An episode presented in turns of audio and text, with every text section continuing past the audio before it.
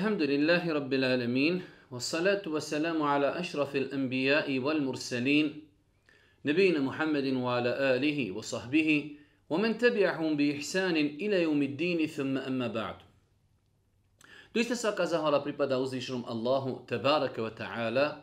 Salavat mir i selam na Allahu poslanika, Allahu miljenika Muhammeda, alihi salatu wa salam, njegovu časnu porodcu, njegove uzorte ashabe i sve ljude koji slijede put istine do sudnjega dana. Uvažena braćo i poštovani sestre, uvaženi gledatelji, evo nas u još jednoj emisiji u kojoj se družimo sa odabranim kuranskim ajetima. Jučer smo počeli da se družimo sa posljednjom trećinom Kur'ana. Do sad smo, hvala uzvišom Allahu tebaraka wa ta'ala, prešli dvije trećine Kur'ana, odabrani ajeti iz prvih 20 džuzeva Kur'ana. Od jučer smo počeli sa 21. džuzem Kur'ana. Večeras, ako Bog da, družimo, družimo se sa jednom e, lijepom, jedinstvenom surom, sura Lokman. Ovo je sura, 31. sura u Kur'anu po redoslijedu onako kako mi danas imamo štampan mushaf. Rekli smo da postoje dvije vrste rasporeda sura. Imamo sure kako su porjedane u mushafu, a imamo redoslijed sura kako su objavljivane Božijem poslaniku, pošto su sure Božijem poslaniku objavljivane shodno vremenu i prostoru, kao odgovor na određena dešavanja, ali Allah poslanik ali se letu selam usmjeravao e, na redoslijed ajeta i sura kako će se one redati u mushafu. Ova sura, ima 34 ajeta.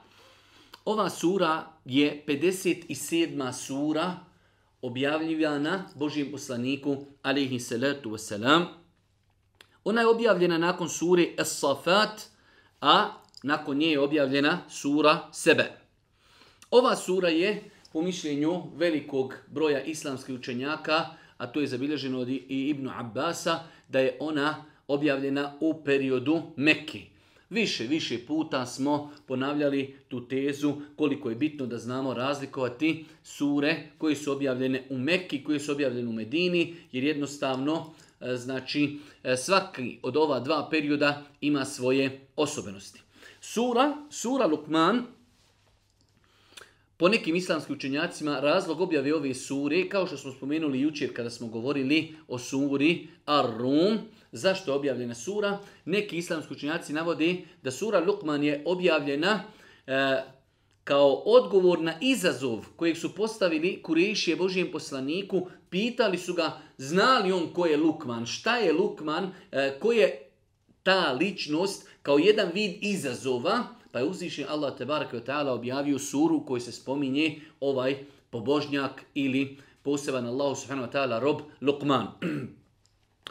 Svakako, mi smo rekli da sure koje su objavljene u Mekki imaju svoje osobenosti, govori dosta o Allahu, govori o proživljenju, govori o sudnjem danu, govori o moralu, govori e, da je uzvišnji Allah taj koji stvorio ljude, zemlju, nebesa, da je on taj koji zaslužuje da mu se robuje, postiče se na dobra djela i tako dalje. E, ova sura ima samo jedno ime i znači ne postoji nikakva druga e, verzija pošto smo spominjali da određene sure imaju i nekoliko imena, nekada je to potvrđeno hadisma Božih poslanika, a nekada je to znači nešto poznato kod islamskih učenjaka, da određena sura ima više različitih imena. Sura Lokman ima samo jedno ime, ovo sura Lokman.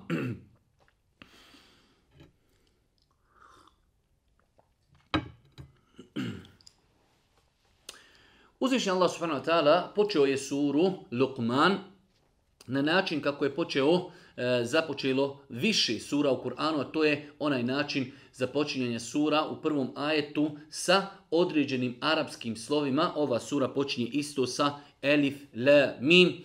Više puta smo govorili da je dio učenjaka smatrao da ove ajete ne treba komentarisati, da je to Allahova tajna u Kur'anu, dok je dio učenjaka smatrao da i ovakve ajete treba komentarisati i da je osnovna poruka ovih sura, odnosno ajeta koji su započeli na ovakav način da je to jedan vid izazova ljudima. Evo o ljudi, harfovi koje i vi koristite u svakodnevnom govoru i njima pišete i njih koristite prilikom vašeg govora, možete li vi sa ovim harfovima smisliti i napisati, izmisliti neku suru koja je ekvivalentna i koja je paralelna i koja odgovara kuranskim surama. Elif, le, mim, tilke ajetul kitabil hakim, huden wa rahmeten lil muhsinin, elif, la, mim, ovo su ajeti mudre knjige. Knjiga koja sve stvari posmatra sa mudrošću, svaku stvar stavlja na njeno mjesto. Tilke ajatul kitabi el hakim hudan wa lil muhsinin. Ova knjiga ona je uputa i milost onima koji budu dobro činili. Ona je uputa i ona je milost. Imamo znači tri opisa knjige Kur'ana da je ona mudra knjiga, Mudrost je svaku stvar postaviti na njeno mjesto. Da je ona uputa, pravi put. Najbolja uputa je uputa Kur'ana, kaže uzvišeni Allah subhanahu wa ta'ala. Inna hada al-Qur'ane jehdi hije Doista ova knjiga ukazuje na najbolji mogući put. Pa je pravac Kur'ana, smjernice Kur'ana su najbolje smjernice koje insan može slijediti u svom dunjavčkom životu. Huden wa rahmeten lil muhsinin. Ona je milost. Ona je milost, ali kome? Lil muhsinin. Onima koji čine dobra djela. Islamski učenjaci kada komentarišu ovaj termin el muhsinin, kažu da se može odnositi na dvije stvari. Muhsinin oni koji su dostigli vrhunac Islama. Islam ima tri stepenice. Islam, iman i el ihsan.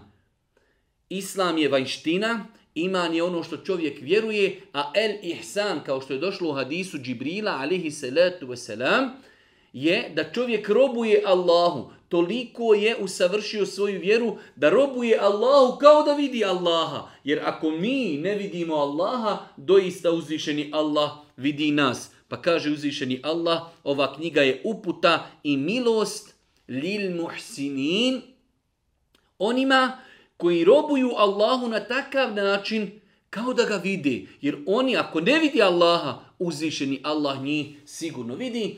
Po drugom tumačenju, el muhsinin su oni koji na najljepši i najpotpuniji način prakticiraju ono što od njih traži njihov gospodar, uzvišeni Allah subhanahu wa ta'ala.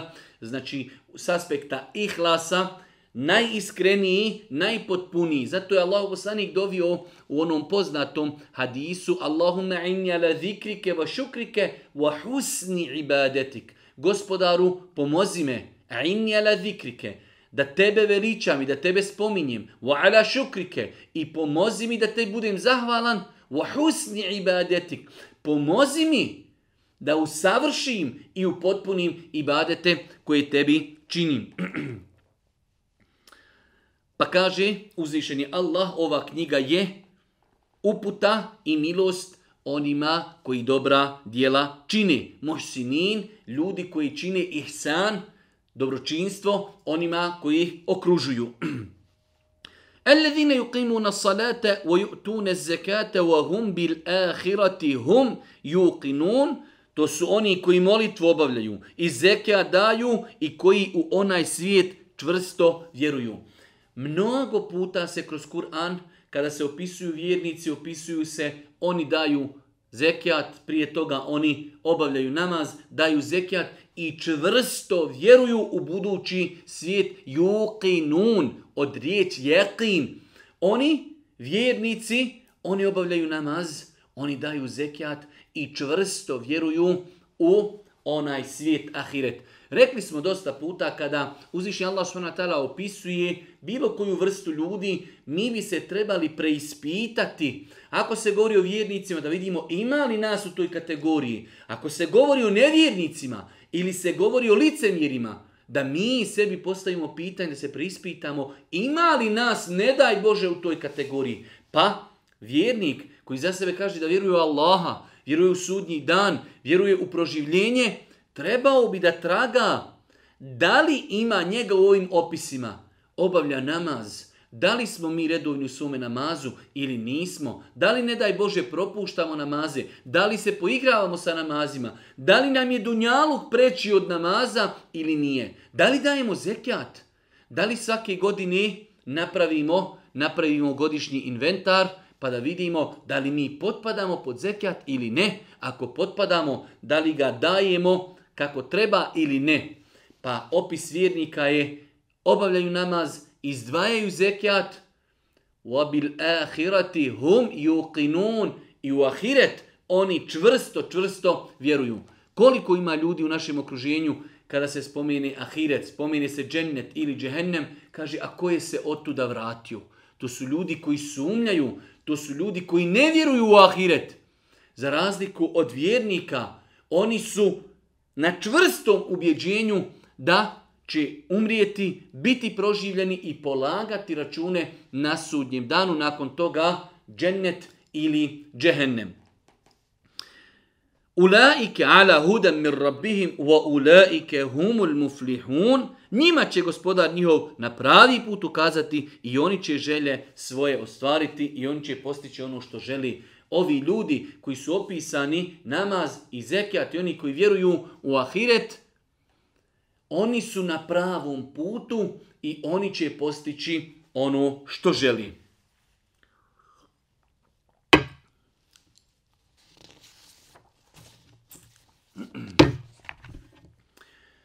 Nakon toga, uzvišnji Allah subhanahu wa ta'ala u šestom i sedmom ajetu sure El-Luqman govori o jednom pitanju koje je atraktivno i aktuelno od vremena Božje poslanika كاجو زيشني الله ومن الناس من يشتري لهو الحديث ليضل عن سبيل الله بغير علم ويتخذها هزوا أولئك لهم عذاب مهين وإذا تتلى عليه آياتنا ولا مستكبرا كأن لم يسمعها كأن في أذنيه وقرا فبشره بعذاب أليم إما لودي koji kupuju priče za razonodu, da bi ne znajući koliki je to grijeh s Allahova puta odvodili i da bi ga predmetom za ismijavanje uzimali. Ima ljudi, kaže uzvišeni Allah subhanu wa ta'ala, koji kupuju priče za razonodu, da bi ne znajući koliki je to grijeh s Allahova puta odvodili i da bi ga predmetom za smijavanje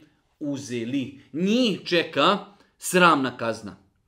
Kad se nekom od njih ajeti naši kazuju, on oholo glavu okreće kao da ih nije čuo, kao da je gluh, zato mu nadjesti patnju nesnosu.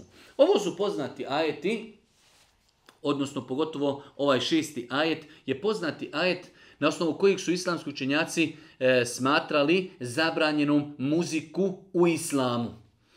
E, kada je u pitanju, znači ovaj kuranski ajet, وَمِنَ men مَنْ lehu لَهُ hadithi, imam El Kurtubi, rahmetullahi alihi, poznati mu fesir, jedan od najpoznatijih mu fesira, kaže ovo je jedan od tri ajeta, jedan od tri ajeta na osnovu kojih su islamski učenjaci zabranjivali muziku. Imam Ibn Kathir, rahmetullahi alihi, u komentaru ovog ajeta navodi predaju od Ibnu, e, od Ibnu Mes'uda. Ibn Mes'ud je bio jedan od najučenijih ashaba Božih poslanika, alihi salatu wasalam. Ibn Kathir navodi predaju od njega da se zaklinjao Allahom tri puta, da se ovaj ajet odnosi na muziku. Znači, ima ljudi koji kupuju priču za rozonodu, kupuju i finansiraju i traži muziku da bi ne znajući koliki je to grije s Allahova puta odvodili, da bi ga predmetno smijavanje uzimali.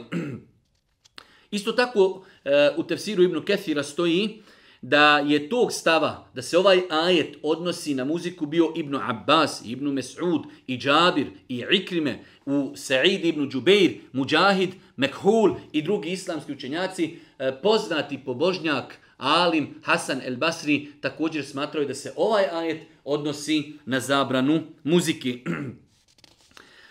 E, u tefsiru e, imama At-Taberija stoji da je ovaj ajet još širi. Znači ne misli se samo u ovom ajetu da on ukazuje da je u islamu muzika zabranjena. Ali isto tako ukazuje da bilo koji drugi govor koji je zabranjen i koji se uzima za razonodu i odvodi ljude od Allahovog subhanahu ta'ala puta da potpada pod ovaj kuranski ajet. Pa ovaj ajet znači obuhvata zabranu muziki i svaki drugi zabranjeni govor koji, koji se suprostavlja onome što je vjera zabranila.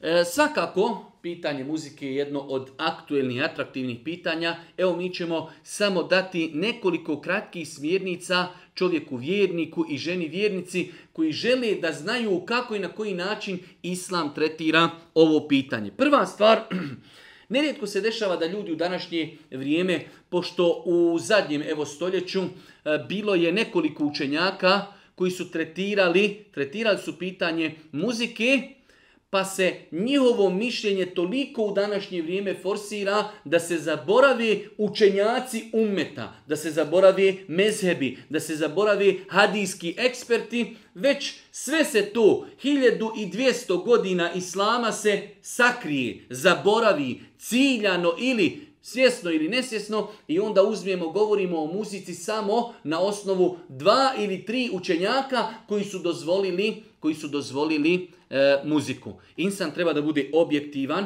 u redu, ako neko želi da govori o muzici, onda treba da bude objektivan. Da kaže, e eh, evo šta kaže ulema, šta su rekli Mezebi, evo njihovi dokazi, a imamo dva ili tri učenjaka savremenog doba koji su smatrali da je muzika dopuštena i evo njihovi dokazi. Ali čovjek treba znači prvenstveno da bude objektivan.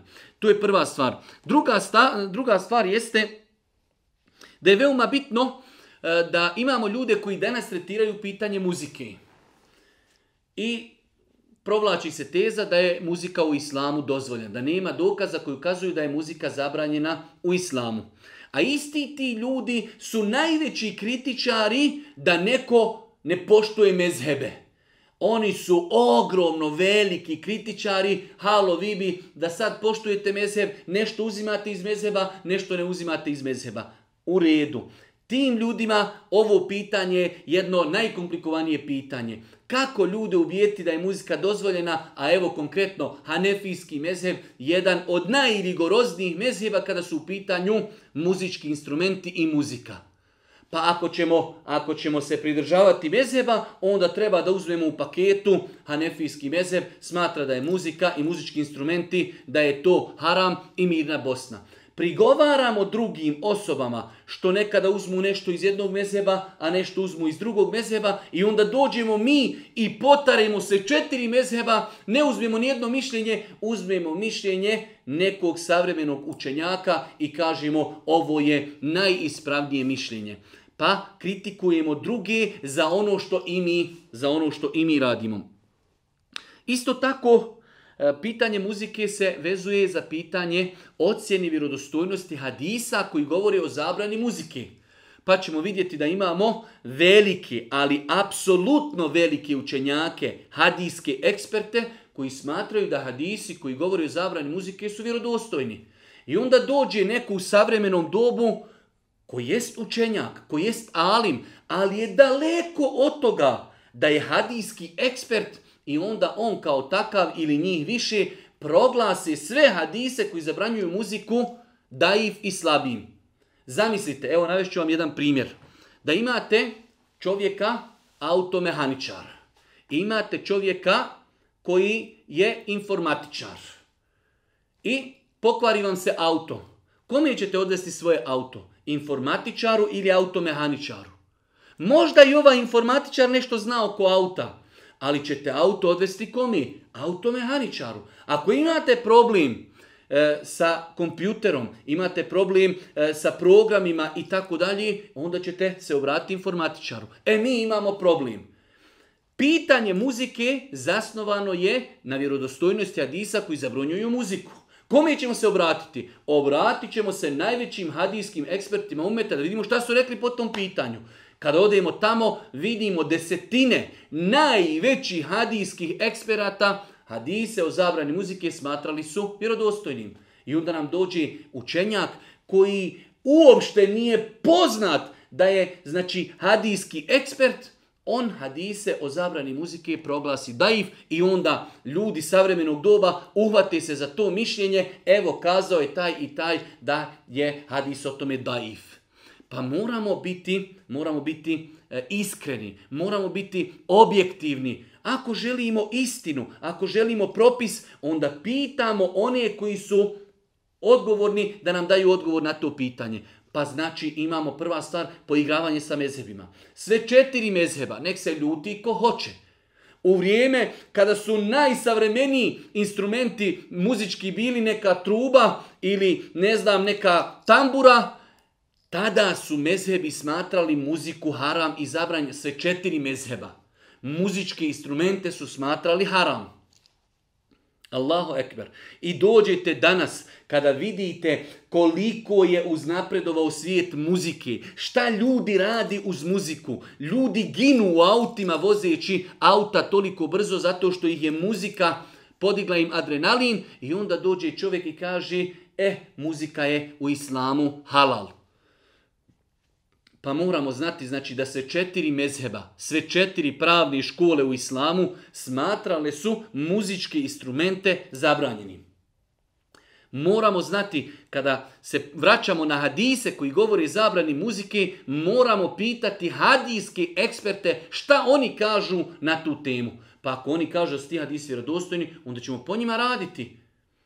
Kao što su, kao što su kazali. Isto tako, velik broj našeg naroda, općih masa, a i oni koji se pripisuju ilmu i znanju, ne pravi razliku između pjesme i muzike Ovo je veoma bitno pitanje. Razlika je u islamu da čovjek sjedne i evo ovako sad zapjeva neku sevdalinku i zapjeva neku pjesmu, zapjeva neku kasidu bez ikakvih muzičkih instrumenata. A razlika je kada imamo muziku i muzičke instrumente. Pa velik broj ljudi kada kažeš zabrajena je muzika u islamu, pa kako i tako dalje. Ne, razlika je pjevanje, pjesma i razlika je muzika i muzički instrumenti. Islam kategorički zabranjuje i četiri mezeva su na tom stavu sve muzičke instrumente. Kada je u pitanju pjesma, gledamo u njen sadržaj. Ako je sadržaj te pjesmi u redu, čovjek može sjesti i, da kažemo, zapjevati pjesmu, kasidu, ilahiju, čiji tekst je ispravan. Ako je tekst neispravan, onda je to zabranjeno zbog neispravnosti teksta. Isto tako, živimo u vremenu kada je znači svijet muzike toliko uznapredovao, uđete u prodavnicu muzika, uđete u tramvaj muzika, idete ulicom muzika i tako dalje, u mobitelu muzika i da ne govorimo koliko je muzika napredovala. Veoma je bitno da shvatimo, moramo znati propis islama o nečemu. To što mi živimo u vremenu kad se to toliko proširilo, to je nešto drugo, ali propis islama mora da se poznaje. Druga stvar, moramo odpraviti razliku između nog slušanja, kada čovjek uzme slušalicu, stavi u uho i sluša muziku i čovjek ako je ušao u supermarket, želi da kupi hljeb, želi da kupi keks i u supermarketu sluša se muzika. On ne sluša tu muziku. On je tu došao da kupi hljeb. On nije došao, idem u supermarket, sjedim i slušam muziku. Isto je tako i u restoranu. Čovjek ulazi u restoran, u tom restoranu se čuje u pozad neka muzika, on je došao tu da jede. On nije došao da sluša muziku, za razliku od nekoga koji je došao na koncert da sluša muziku. Pa je i to razlika koja je mnogo bitna našem narodu. U nas kada kažeš zabranjena muzika, kaže kako ću u restoran, kako ću u prodancu. Ja sam došao u prodancu da kupim ljeb, platim i odlazim. Dolazim u restoran da pojedem čevape i izlazim. Ja nisam došao tu da ciljano slušam muziku. A razlika je uzeti slušalicu, slušati, upaliti TV i gledati i slušati muziku. Pa znači moramo ove stvari imati na umu u islamu, muzika i muzički instrumenti na stranu, pjesma kao pjesma, samo izgovor riječi na stranu. Moramo praviti razliku između slušanja ciljanog, to u Arapi kažu istima, da čovjek sluša ciljano, a razlika je da čovjek samo nešto čuje, ali se on tome nije posvetio. Pa je jedno neispravno, a jedno, znači, možemo reći dopušteno zato što to čovjek ne radi ciljano. Kada je u pitanju pravna škola kojoj se mi pripisujemo, hanefijski mezheb, znači rekli smo imamo dvije stvari. Imamo muziku i muzičke instrumente, imamo pjesmu. Kada je u pitanju hanefijski mezheb, bilo koji znači e, muzički instrumenti koji pravi muziku su zabranjeni. Bili popraćeni pjesmom ili ne. Znači imamo muzika i s pjesmom bez pjesme je zabranjena. Pjesma u hanefijskom mezebu ako ima u sebi e, loše značenje i lošu poruku, neispravnu zabranjenu, onda je zabranjeno ako je tekst ispravan inšala bizna, u tome nema nikakve smetnje. Ovo je, braću moja draga i cijene sestre, rezimirano nešto što bi čovjek vjernik trebao da zna, a vezuje se za muziku. Evo kratko ćemo to, ako Bog da, eh, ponoviti. Eh, ne smijemo se poigravati sa pitanjem muzike. Četiri pravne škole, četiri pravne škole, četiri mezeva smatrali su muziku i muzičke instrumente zabranjenim u današnje vrijeme, u savremenu doba pojavilo je se dva, tri, četiri učenjaka koji su analizirali pitanje muzike, koji su mučtehidi, koji su došli do saznanja da je muzika, da je muzika dopuštena uz određene uvjete. Da hadis koji govori o tome jesu daif i slabi. Pa smo rekli u takvom slučaju ne možemo zaboraviti e, 1200 godina ummeta, mezheb, mezhebe i, i pravne škole. Ako ćemo gledati na, eh, na hadise koji govori o zabrani muzike, onda se obraćamo velikim hadijskim ekspertima umeta da nam oni daju odgovor. U protivnom se i mi poigrajemo sa mezhebima kao što to eh, ne želimo od drugih osoba. Moramo biti objektivni ljudima kazati da četiri pravne škole smatraju muziku i muzičke instrumente zabranjenim. Kome se to sviđa, sviđa. Kome ne sviđa, neka se, hajde kažemo, ljuti koliko god hoće. Isto tako rekli smo moramo praviti razliku između pjesme i muzike. Jedno je muzika i muzički instrumenti, jedno je pjevanje. Muzika je u svakom pogledu zabranjena, a pjesma gledamo kako je njeno značenje. Ako ono što čovjek izgovara je ispravno, nema u tome ništa loše, nema smetnje da čovjek pjeva bez muzike. Ako je tekst onoga što pjeva neispravan, onda je to zabranjeno zbog neispravnosti teksta. Razlika između ciljanog slušanja i uživanja u muzici i razlika da čovjek čuje muziku kao nešto sporedno, otišao sam u trgovinu, otišao sam u supermarket, otišao sam u tržni centar, otišao sam u restoran, u, u pozadini se negdje čuje muzika. Hanefijski mesev, rekli smo zanični stav Hanefijske pravne škole, jeste da muzika i muzički instrumenti zabranjeni, bili popraćeni pjesmom ili ne, a pjesma gledamo kakav je tekst i njeno značenje. Ako je neispravno, onda je to zabranjeno, ako je ispravno, onda je to dopušteno.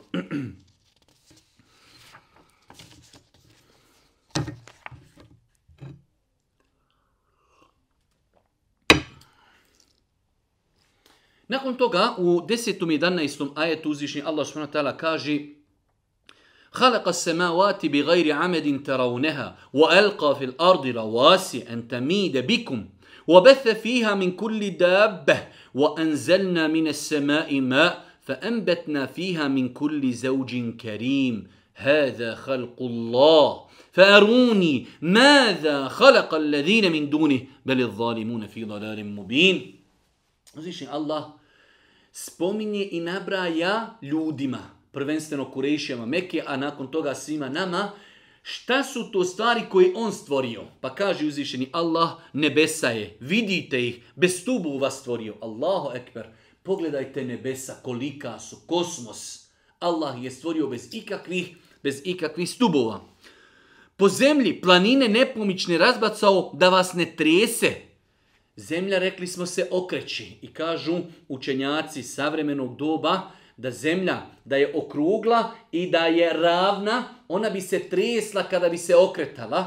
Nešto slično balansiranju guma ali planine kada su raspoređene precizno, onako kako ih je Allah subhanahu wa ta'ala rasporedio, zemlja se okreće i prilikom okretanja nema, nikakvo nema nikakvu trešnju, ne trese se i ljudi mogu na zemlji živjeti normalno. Allahu akbar. Pogledajte savršenstva Allahovog stvorenja, zemlje. Tolika zemljena kugla okreće se, a mi to ne osjetimo. Pa kaže uzvišeni Allah, a po zemlji je planine nepomične razbacao, da vas ona ne trese prilikom okretanja. I po njoj životinje svih vrsta razasu. Sve to uzvišeni Allah stvorio nebesa bez stubova, po zemlji razbacao planine, da se zemlja ne trese. Po njoj životinje svih vrsta razasu. Mi s neba kišu spuštamo i činimo da po njoj niču svakovrsne plemente biljke. Allah je taj koji spušta kišu. Pa nakon toga iz zemlje izlazi različito bilje. To su neke stvari koje Allah Žešanu stvorio. Pa kaže uzvišeni Allah, to je, to je Allahovo stvaranje. To su Allahova stvorenja. Hada halqullah. To je Allah stvorio. Fe'eruni. A de vi nama pokažite šta su to stvorili vaša božanstva. Šta su to kipovi stvorili. Nema niko da može stvoriti osim Allah. Niko, niko mimo Allaha nema da stvori. Mi ljudi možemo nešto napraviti, ali ne možemo ništa stvoriti. Ne postoji niko da može nešto stvoriti osim uzvišeni Allah subhanahu wa ta'ala. Hada khalqullah Allah, De nam pokažite šta su to vaša božanstva kojima vi robujete stvorila. Nisu ništa stvorila. Sve je stvorio uzvišeni Allah subhanahu wa ta'ala. To, je, to su Allahova stvorenja. A pokažite šta su drugi mimo njega stvorili. Ništa. Mnogobošci su u pravoj, mnogobošci su u pravoj zabludi. Pa je ovaj ajet, jedan od ajeta, koji ukazuje na veličinu uzvišenog Allaha. Da je On jedini koji ima mogućnost stvaranja. Zbog toga je on i gospodar, zbog toga se njemu i robuje, zato se njemu i čine i badeti, jer je on jedan. Kul huvallahu ahad. On je jedan. Allahu samed. On je utočište svakome. On je jedan u svemu, u imenima, u svojstvima, u ibadetu, u stvaranju, Niko ne može stvoriti osim uzvišeni Allah subhanu wa ta'ala. Ljudi su, znači, toliko slabašni. Ne mogu stvoriti zrno pšenice. Kao što ih uzvišeni Allah subhanu wa ta'ala izaziva u Kur'anu. Evo, ako mušica nešto pojedi, možete li to od nje uzeti? Možete li to vratiti nazad? Možete li vi stvoriti samo jednu mušicu? Ne mogu. Pa insan može samo koristiti resurse koje mu je dao na raspolaganje uzvišeni Allah, a sve to ukazuje na, za naš, e, ukazuje na našu potrebu za Allahom. Ukazuje da je On jedini koji zaslužuje da mu se robuje, da se njemu pokorimo i da budemo njegovi pokorni robovi.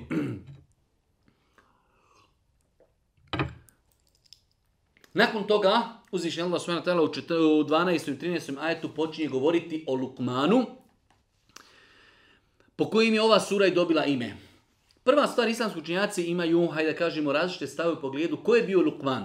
Da li je to bio Allahov poslanik, jedan u dugom nizu mnogih poslanika, ili je to bio neki odabrani Allahov subhanahu wa ta'ala rob koji ga Allah subhanahu wa ta'ala nadahnuo i počastio sa određenim, određenim blagodatima u ovom slučaju uzvišeni Allah je počastio i nadahnuo Lukmana, svog odabranog groba, sa mudrošću, pronicljivošću. Allah najbolje zna e, znači da je ispravno mišljenje da Lukman nije bio poslanik. Već je to jedan Allahu odabrani rob. Neki kažu, neki kažu, iako to nije historijski potvrđeno, da je živio za vrijeme Davuda alihi salatu Ali je nama bitno da ga uzvišeni Allah spominje imenom Lukman, E, nije potvrđeno da je bio poslanik, e, potvrđeno je da ga je uzvišeni Allah subhanahu počastio mudrošću. Allah nam je spomenuo u ovoj suri određene savjete koje on prenosi svome sinu, svakako kako bi mi iz svega toga uzeli pouku i poruku. وَلَقَدْ أَتَيْنَا لُقْمَانَ الْحِكْمَةَ a mi smo Lukmanu mudrost darovali. Mi smo, mi. Ko? Uzvišeni Allah. Uzvišeni Allah na dosta mjesta u Kur'anu, kada govori o sebi, govori u množini. I to, elhamdulillah, nije ništa sporno. Kurejšije Meki, koji su pincetima tražili, imali nešto negativno u Kur'anu, nikada nisu prigovorili Kur'anu zašto Allah za sebe kaže mi. I danas je rasprostranjen taj način izražavanja da predsjednik države sebe Persire, i kaže mi smo uradili to i to. Mi smo učinili i tako dalje. Pa je uzvišeni Allah jedan. Kul huvallahu ahad. Allah je jedan. Ali kada govori o sebi, nekada uzvišeni Allah govori o sebi u znači množini pa kaže mi smo Lukmanu mudrost darovali. Mi smo Lukmanu mudrost darovali. Pa je mudrost jedna blagodat kojom je Allah obdario ovog svog odabranog roba Lukmana, a s druge strane to nas podučava da ako hoćemo mudrost, ako hoćemo znanje, onda ga tražimo od onoga koji je to dao Lukmanu, a to je uzvišeni Allah subhanu wa ta'ala. Mi smo Lukmanu mudrost darovali. Budi zahvalan Allahu. Allah daje savjete Lukmanu. Budi zahvalan Allahu.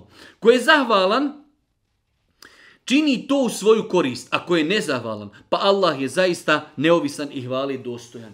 Insan kada je zahvalan, zahvalan je Allahu u svoju korist. Kaže uzvišeni Allah s.w.t. وَلَا إِنْ شَكَرْتُمْ لَأَزِيدَنَّكُمْ Ako vi budete zahvalni, mi ćemo vam blagodati povećavati. Zahvalnost Allahu, korist toga se vraća nama. A kaže uzvišeni Allah, ako bude nazahvalan, Allah je neovisan. Možeš biti koliki god hoćeš Asija, možeš biti koliko god hoćeš Kiburli i možeš biti umišljen, ne zahvaljivati Allahu, ništa to Allahu ne šteti. Kom je šteti? Nama. Pa je zahvalnost veliko svojstvo koje treba da bude pri vjerniku, koje je bilo pri odabranim Allahovim robovima, pa kaže uzvišeni Allah, koji je zahvalan, čini to u svoju korist. Ako je nezahvalan, pa Allah je zaista neovisan i hvali dostojem. Kada Lukman reče sinu svome, savjetujući ga. Kada Lukman reče sinu svome, savjetujući ga. Roditelj treba da savjetuje djecu, da razgovara sa njima, da im prenosi svoja iskustva životna. Pogotovo u današnje vrijeme, vrijeme interneta, vrijeme izazova, vrijeme grijeha i, i mnogih drugih stvari, Roditelj mora pažnju posvetiti djetetu. Pa nam ovdje uzvišeni Allah prenosi savjete koje Lukman govori o svome djetetu. U to vrijeme ove savjete mi trebamo kazati svojoj djeci. Kada Lukman reče sinu svome, savjetujući ga. O sinko moj, ne smatraj druge Allahu ravnim, ne čini širk. Doista je širk velika nepravda. Volmun azim. وَإِذْ قَالَ لُقْمَانُ لِبْنِهِ وَهُوَ يَعِظُهُ يَا بُنَيَّ لَا تُشْرِكْ بِاللَّهِ إِنَّ شِرْكَ لَظُلْمٌ عَظِيمٌ Prva i najbitnija stvar u životu vjernika. Nažalost, velik broj ljudi se rađa kao musliman. Da li je išao u Mektev ili ne, odrasta, a malo znamo o širku kao najveći grijeh. Inna Allahe la jagfiru an yushrake bih. Allah samo jedan grijeh neće nikom oprostiti. Ovdje se misli neće oprostiti da čovjek umre, a nije se pokao tog grijeha. A to je širk. Širk da nekoga izjednačimo zajedno sa uzvišenim Allahom subhanu wa ta'ala. Uzvišeni Allah je jedan u ibadetu. Uzvišeni Allah je jedan u, u stvaranju. Uzvišeni Allah je jedan u imenima i svojstvima. Ni u čemu ne smijemo nekoga izravnati i staviti na nivo sa uzvišenim Allahom subhanahu wa ta'ala. Čak Boži poslanik toliko je pazio na teuhid i na monoteizam čisti, da čak i u jezičkom smislu nekada su ljudi znali da kažu ono što želi Allah i ti. Kaže Allah poslanik, je li to, kaže, činite da neko bude e, u širku, da bude, znači, na istoj razini sa Allahom. Kao što kod nas ljudi kažu, lahi, neispravna riječ, kaže da ne bi doktora, i, da ne bi Allaha i doktora. Neispravno, ne smije se tako reći. Da ne bi Allaha, a potom, a potom nakon toga doktori. Ne smije se reći i, ne smije se staviti neko na isti nivo sa uzvišenim Allahom. Pa Lukman daje svome djetetu najskuplji savjet. Čuvaj se sine širka. Čuvaj se da nekoga staviš na nivo u bilo kojem segmentu svoga života na nivo uzvišenog Allaha jer je to najveći grijeh kojeg ljudi čine na, na, znači, u svome svakodnevnom životu. U dva kuranska ajeta Allah Želšanu kaže Allah nikom je oprostiti širk neće. Znači, insan može umrijeti.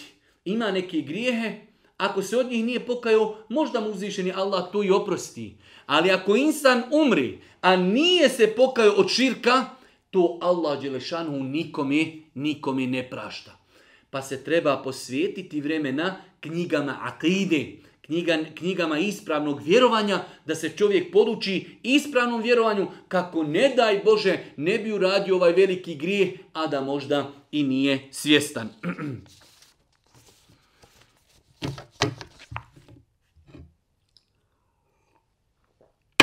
Nakon toga 13, 14. E, i 15. ajet u suri e, e, su ajeti koji govori o dobročinstvu prema roditeljima, a koji su E, po ispravnom mišljenju nisu to riječi Lukmanove. Imali smo jedan savjet Lukmana, nakon toga dolazi, hajde da kažemo, savjeti uzvišenog Allaha narodu, a nakon toga opet se nastavljaju e, savjeti Lukmana njegovom sinu, pa kaže uzvišeni Allah, mi smo naredili čovjeku da bude poslušan roditeljima svojim. Mi smo o tome već više puta govorili.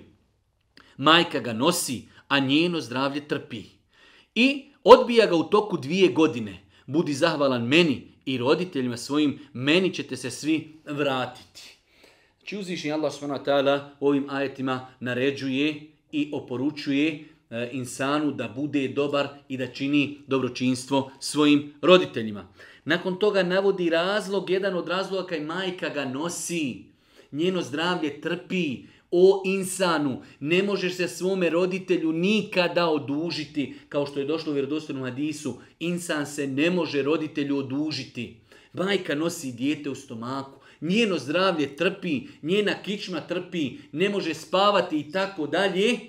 Insan zbog svega toga treba da bude zahvalan, zahvalan svojim roditeljima. Kaže, majka ga odbija u toku dvije godine. U islamu postoji jedno interesantno poglavlje, a to je e, srodstvo po mlijeku. Znači imamo srodstvo po krvi, to je standardno klasično srodstvo braća po krvi. Imamo srodstvo po tazbini, ali imamo i srodstvo po mlijeku. U islamu, u islamu, zapamtite dobro jer je ovo veoma bitno, ako žena koja je rodila dijete i ima svoje prirodno mlijeko, ako drugo neko dijete zadoji pet puta, a to dijete još nije napunilo dvije godine, to su dva standardna i najbitnija uvjeta, da ga je zadojila pet puta, u vremenu dok ono još nije napunilo dvije godine, ono postaje njeno dijete po mlijeku. Šta znači njeno dijete po mlijeku? Njeno dijete Znači, jednostavno, kao da smo to dijete uzeli i ubacili ga u njenu kuću, ono postaje, znači, s aspekta zabrane, kao da je njeno dijete. Ono postaje njenoj djeci brat i sestra. Njen muž od žene koja je zadojila to dijete postaje njemu otac i tako dalje. Jednostavno, najlakše eh, pravilo kako znati propise, eh, E, znači srodstva po mlijeku, dijete koje je žena zadojila, samo ga uzmemo iz njegove porodce i ubacimo ga u tu porodcu. Ovo je s aspekta samo srodstva po mlijeku.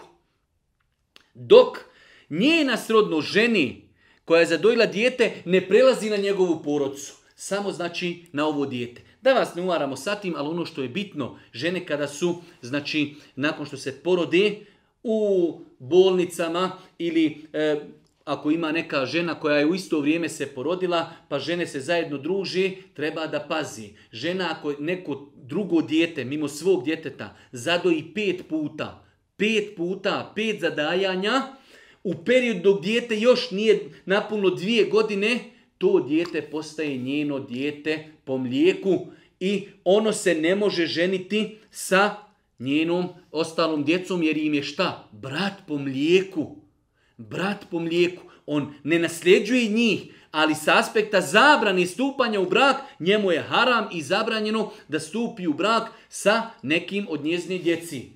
Pa je veoma bitno da žena zna da li je i jedno dijete zadojila, samim tim ako je ona zadojila to dijete njenoj djeci on je postao brat ili sestra po mlijeku i oni se ne smiju međusobno u islamu uzimati ženiti, jer je došlo u vjerodostojnim hadisima sve što je zabranjeno po krvi, po krvnom srodstvu, isto tako je zabranjeno i po mliječnom srodstvu. Nakon toga kaže uzvišeni Allah, a ako te budu nagovarali, ko? Roditelji.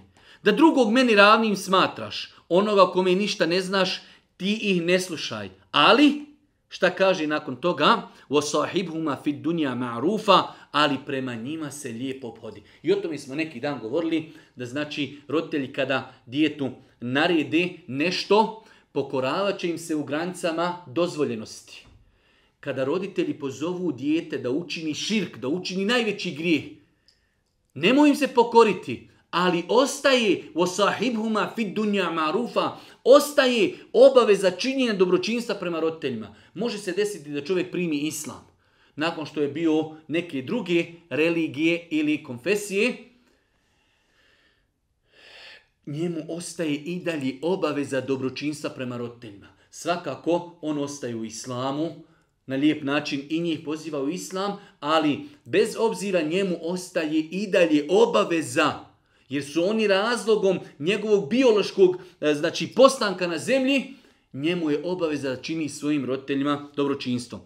Ako te budu roditelj nagovarali da drugog meni ravni smatraš, onoga o kom ništa ne znaš, ti ih ne slušaj i prema njima se na ovome svijetu velikodušno ponašaj. A slijedi put onoga koji se iskreno meni obraća. Meni ćete se poslije vratiti i ja ću vas onome što ste radili obavijesti. Svi ćemo mi, bez obzira bili ko? Mi ćemo biti, znači, eh, insan će napustiti dunjaluk, umrijeti, bit će proživljen, a nakon toga će insan polagati račune i bit će obaviješten o onome što je radio na Dunjaluku. Nakon toga u 16., 17., 18. i 19. ajetu savjeti Lukmana njegovom sinu, rekli smo da je bio prvi savjet da se ne čini širk najveći grijeh uzvišenom Allahu te barakatala. Nakon toga kaže, o sinko moj, jabu neje, dobro ili zlo, teško koliko zrno gorušici, bilo u stijeni ili na nebesima ili u zemlji, Allah će na vidjelo iznijeti jer Allah je blag, on je sveznajući. Daje savjet Lukman svome djetetu i kaže, sine moj, treba da znaš, Femen jamel miskale zrratin hajran jara. Onaj ko uradi trun dobra, vidjet će ga. Onaj ko uradi trun zla, vidjet će ga. On podučava svoje dijete da ima neprestano nadzor, da zna da ga uzvišeni Allah vidi. Pa kaže, sinko moj, dobro ili zlo? Teško koliko zrno gorušici. makar bilo negdje na pećini ili na nebesima ili u zemlji, Allah će na vidjelo iznijeti. Allah vidi, Allah zna, meleki zapisuju. Naši ekstremiteti će svjedočiti po, eh, protiv nas ili za nas na sudnjem danu. Pa insan treba da bude svjestan neprestanog Allahovog nadzora nad njegovim robovima. Uradio trun dobra, Allah će to iznijeti poslije. Allah će to donijeti. Vidjet ćemo to na sudnjem danu. Uradili trun zla, vidjet ćemo. Zato sam jučer ili prekućer objavio na Facebooku u kontekstu ovih ajeta trun te može spasiti, a trun te može uništiti. Na sudnjem danu se stvari vreduju i vagaju u trunovima. Toliko sitno, ko uradi trun dobra, vidjet će ga. Taj trun se može staviti na vagu i da on prevagni loša djela ali trun nepravdi i grijeha može se staviti na vagu pa da on prevagni loša djela pa da čovjek ode u džehennem. Pa čovjek vjernik treba da se pazi. U islamu trun može biti razlogom uspjeha, a trun može biti razlogom, razlogom propasti. Pa kaže Lukman svome sinu, o sinko moj, dobro ili zlo, teško koliko zrno gorušice, bilo u stijeni ili na nebesima ili u zemlji, Allah će na vidjelo iznijeti jer je on latifun habir. On je blag, on je milostiv, ali je u svemu tome i sveznajući. Nastavlja Lukman i kaže, o sinko moj, obavljaj molitvu i traži da se čini dobra djela i hr- hrđavi i strpljivo podnosi ono što te zadesi, dužnost je tako postupiti. Nakon što ga je upozorio da ne čini širk, nakon što ga je upozorio na bitnost da čovjek zna da ga Allah vidi, bez obzira uradio trun dobra ili trun zla, to će izići na sudnjem danu na vidjelo. Allah, Lukman svome sinu daje savjete, prva stvar kaže obavljaj namaz. O sine moj, kao što je došlo u vjerodostojnim hadisima da Allah poslani kaže sa sedam godina naređujte djeci da obavljaju namaz. Roditelji, o roditelji, svi smo mi roditelji, nas će Allah pitati. Jesmo li svoju djecu od sedam godina podučavali namazu i jesmo li ih upozoravali nakon sedmi godine, o sine, hajde abdesti, hajmo klanjati. Jesi klanjao podni, jesi klanjao akšam, jesi klanjao jaciju, hajde ustani na saba. Od sedmi godine se dijete privikava na namaz. Pa prvi savjet Lukmanov, o sine, obavljaj namaz. To je tvoja lična karta. To je nešto najbitnije u tvome životu. Tvoj namaz. Naređuj, kaži na dobro odvraćaj od zla i strpi se na onome što te zadesi, jer kad budeš naređivao na dobro, a budeš odvraćao od zla, doće ti iskušenje. Svaki insan, sve dok si dobar samo za sebe, ljudima ne smetaš. Ali kada počneš ljude pozivati, kada ljude počneš popravljati, tada ljudi uzračaju tada te ljudi popravljaju, tada te ljudi potvaraju, tada te ljudi kritikuju i tako dalje. Pa kaže uzvišeni Allah, govoreći o Lukmanu, da je rekao svome sinu, obavljaj namaz. Traži da se čini dobra djela. Gdje god moraš ljude postaći, ljudi, sutra se posti, ljudi dajte sadaku, ljudi obavljajte namaz i tako dalje. Odvraćaj od grijeha. Gdje god vidiš neki grijeh na lijep i blag način, ljudi nije dobro, nemojte to činiti. To je grijeh, to je zabranjeno. Wasbir ala ma asabek. A nakon toga Strpi se na tom putu jer će neminovno doći kada budeš naređivao na dobro, odvraćao od zla, treba će ti sabura u osmir ala ma asabek. Tako treba da se ponašaju, tako treba da se ponašaju Allahovi robovi. Dužnost je tako postupiti. I iz oholosti ne okreći od ljudi lice svoje i ne idi zemlju nadmeno. Nemoj iz oholosti da okrećeš lice od ljudi. Svi smo mi od Adema alihi salatu wasalam. Neko je visok, neko je nizak, neko je bijel, neko je crn, neko je ugledan, neko je manje ugledan. Ali najbitnija stvar je takvaluk i bogobojaznost. Nemoj, kaže, okretati lice od ljudi, umišljen, ohol. Niko takvog ne voli. Pa kaže, i iz oholosti ne okreći od ljudi lice svoje. I ne idi zemljom nadmeno. Imate ljudi nadmen, gord, pun sebe, ovako hoda. Ne idi. Ko si ti? Allahu sičnušni rob. Možda si od drugih ljudi više nabildan, možda si za 20 santi viši, ali šta je to? Pogledajte cijelu zemaljsku kuglu kada je pogledate iz kosmosa, i svemira. To je jedna mala tačkica. Na toj maloj tački imamo 6 milijardi ljudi poput nas.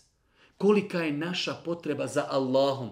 Pa kaže Lukman svome sinu i ne idi zemljom nadmeno Nemoj da hodaš nadmeno, uvijek imaj potrebu i vezuj se za svoga gospodara. Jer Allah ne voli ni gordog, ni hvalisavog.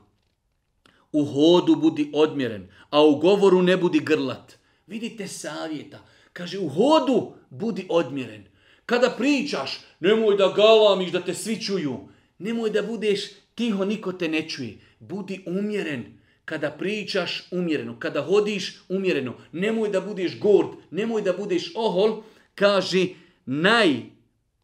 neprijatniji glas je revenje magarca. Nemoj se porediti sa neuzubila sa magarcom kad on svoj glas povisu. Imate ljudi, dođe u autobus, dođe u općinu, čeka neki papir, pa počne on nešto galan da ga svi čuju. Nemoj podizati svoj glas. Pričaj kulturno, pričaj lijepo, sa dokazima i tako dalje. Pa su ovo savjeti mudrog Lukmana njegovom djetetu koji se vezuju za njegov odnos prema gospodaru i njegov odnos prema društvu kojim se nalazi. Obavljaj namaz, nemoj činiti širk, znaj za Allaha da te uvijek vidi i e, malo dobro djelo i mali grijeh, sve će to biti donešeno na sudnjem danu.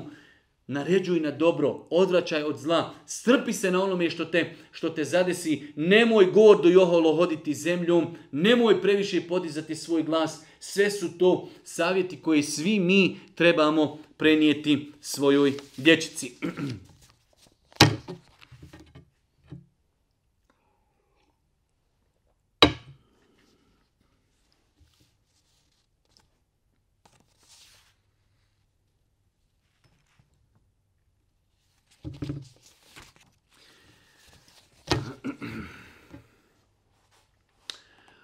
U 27. i 28. ajetu sure, sure Luqman, uzvišnji Allah subhanahu wa ta'ala govori o svojoj veličini. Govori o svojoj veličini, o svome znanju, o, o nečemu što kada čovjek čuje, jednostavno tu staje i tu blokira naš mozak. koliko smo mi sitni, koliko smo slabašni, a kolika je uzvišenost i veličina našeg gospodara. Kaže uzvišeni Allah, وَلَوْ أَنَّمَا فِي الْأَرْضِ مِنْ شَجَرَةٍ أَقْلَامٌ وَالْبَحْرُ يَمُدُّهُ مِنْ بَعْدِهِ سَبْعَةُ أَبْحُرٍ مَا نَفِدَتْ كَلِمَاتُ اللَّهِ إِنَّ اللَّهَ عَزِيزٌ حَكِيمٌ ما خلقكم ولا بعثكم إلا كنفس واحدة إن الله سميع بصير da su sva stabla na zemlji pisaljke, a da se u more, kad presahni, ulije još sedam mora, ne bi se ispisale Allahove riječi. Allahu ekber. Allahu ekber stotinu puta. Kaže uzvišeni Allah. Pogledajte koliko je na zemlji drveća. Koliko je šuma i prašuma. Kaže uzvišeni Allah kada bi svo drviće na zemlji bila pera s kojima se piši. A more bilo tinta, pa se to more potroši. Sva ta pera pišu i polome se, potrošila su čitavo more tinte i doda se još sedam mora tinte. Sve bi to presahlo, a ne bi se ispisale Allahove riječi i ne bi se opisala njegova veličina. Allahu ekber. Može li to pojmit ljudski razum? Tu veličinu, tu uzvišenost, tu našu slabost koliko smo gordi u odnosu i ophođenju prema našem gospodaru. Kada bi sve, svo drveće na zemlji bila pisaljke i pera. Pa zamakali i pisali Allahove riječi i govorili o Allahu i njegovoj veličini. Pa se potroši more tinte pa se još doda sedam mora. I sve se to potroši i sve se, sva se pera polomi, ne bi to ispisalo riječi uzvišenog Allaha i njegovu veličinu. Allahu ekber, o insanu, o Allahov robe, jesi li svjestan koliko si slabašan? Nastao si od kapljice sjemena, juče si bio sperma, a pogledaj uzvišenost i veličinu svoga gospodara. Njegovo znanje ni jedan lis ne opadne, a da on za to ne zna. Njegova veličina se ne može opisati kada bi sva drveća na zemlji bila pera koja pišu i toliko tinte potrošili da imamo sedam mora ne bi ispisali i ne bi opisali Allahovu subhanahu wa ta'ala veličinu da su sva stabla na zemlji pisaljke. I da se u more, kada presahne, ulije još sedam mora. Ne bi se ispisale Allahove riječi. Allah je uistinu silan i mudar. Stvoriti sve vas i sve vas oživjeti, isto je kao stvoriti i oživjeti jednog čovjeka. Allah zaista sve čuje i sve vidi. Stvoriti sve vas. Allahu ekber.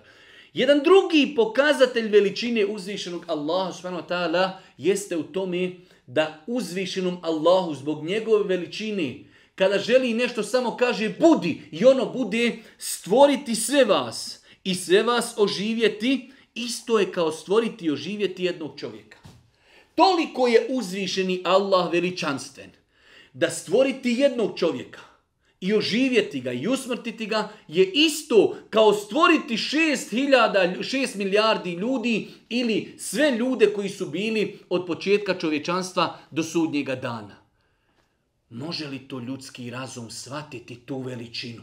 Mi smo inače, naš razum je ograničen. Kolika je veličina i uzvišenost našeg gospodara Allaha subhanahu wa ta'ala.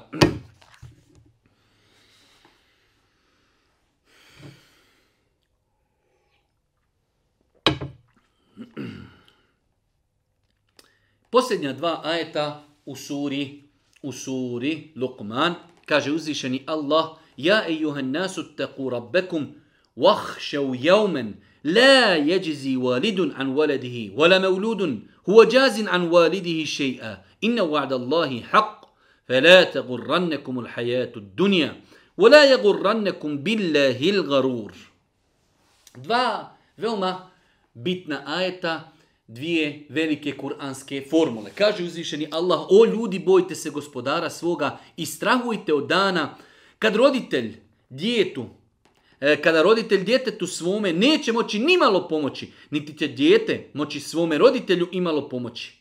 Allahova prijetnja istinta. Pa neka vas nikako život na ovome svijetu ne zavara i neka vas u Allaha šetan ne pokoleba.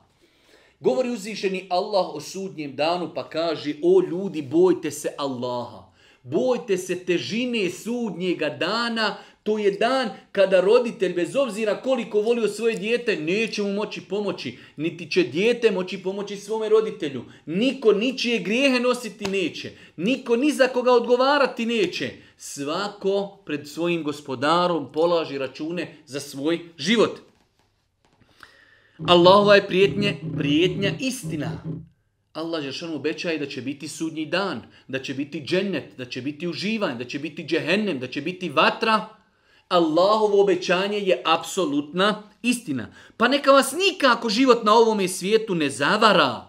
Nemojte, Allah Želešanu jasno daje do znanja svojim robovima, nemojte da vas zavara dunjaluk, prolazni dunjaluk. Odoše ljudi, umiru ljudi. Šta su ljudi sa sobom ponijeli od dunjaluka? Nemojte da vas uživanja na dunjaluku zavaraju. Nemojte da vas šetan zavara. Ostavljam namaz zbog posla. Ostavljam hijab zbog posla. Kradem, varam i tako dalje.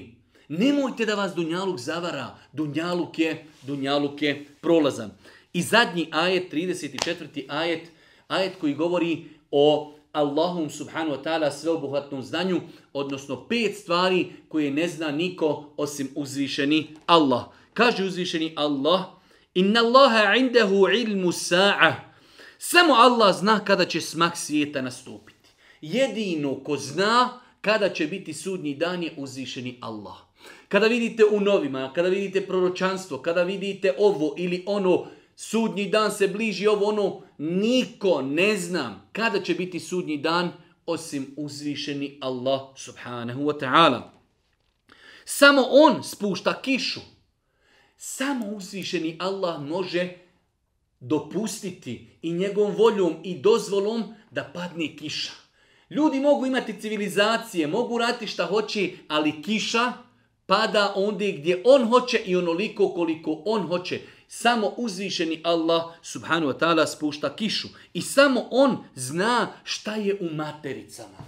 Neki ljudi su prigovorili ovom kuranskom ajetu, e, pa kažu evo u savremenoj tehnologiji ljudi znaju šta žena, šta žena nosi u svome stomaku. Dobro, kada, kada žena tek zatrudni, znaju li ljudi da li je to muško ili žensko? Hoće li biti zdravo ili će biti bolesno? Hoće li biti e, crno ili bijelo? Hoće li biti sretno ili nesretno? To ne zna niko osim Allah.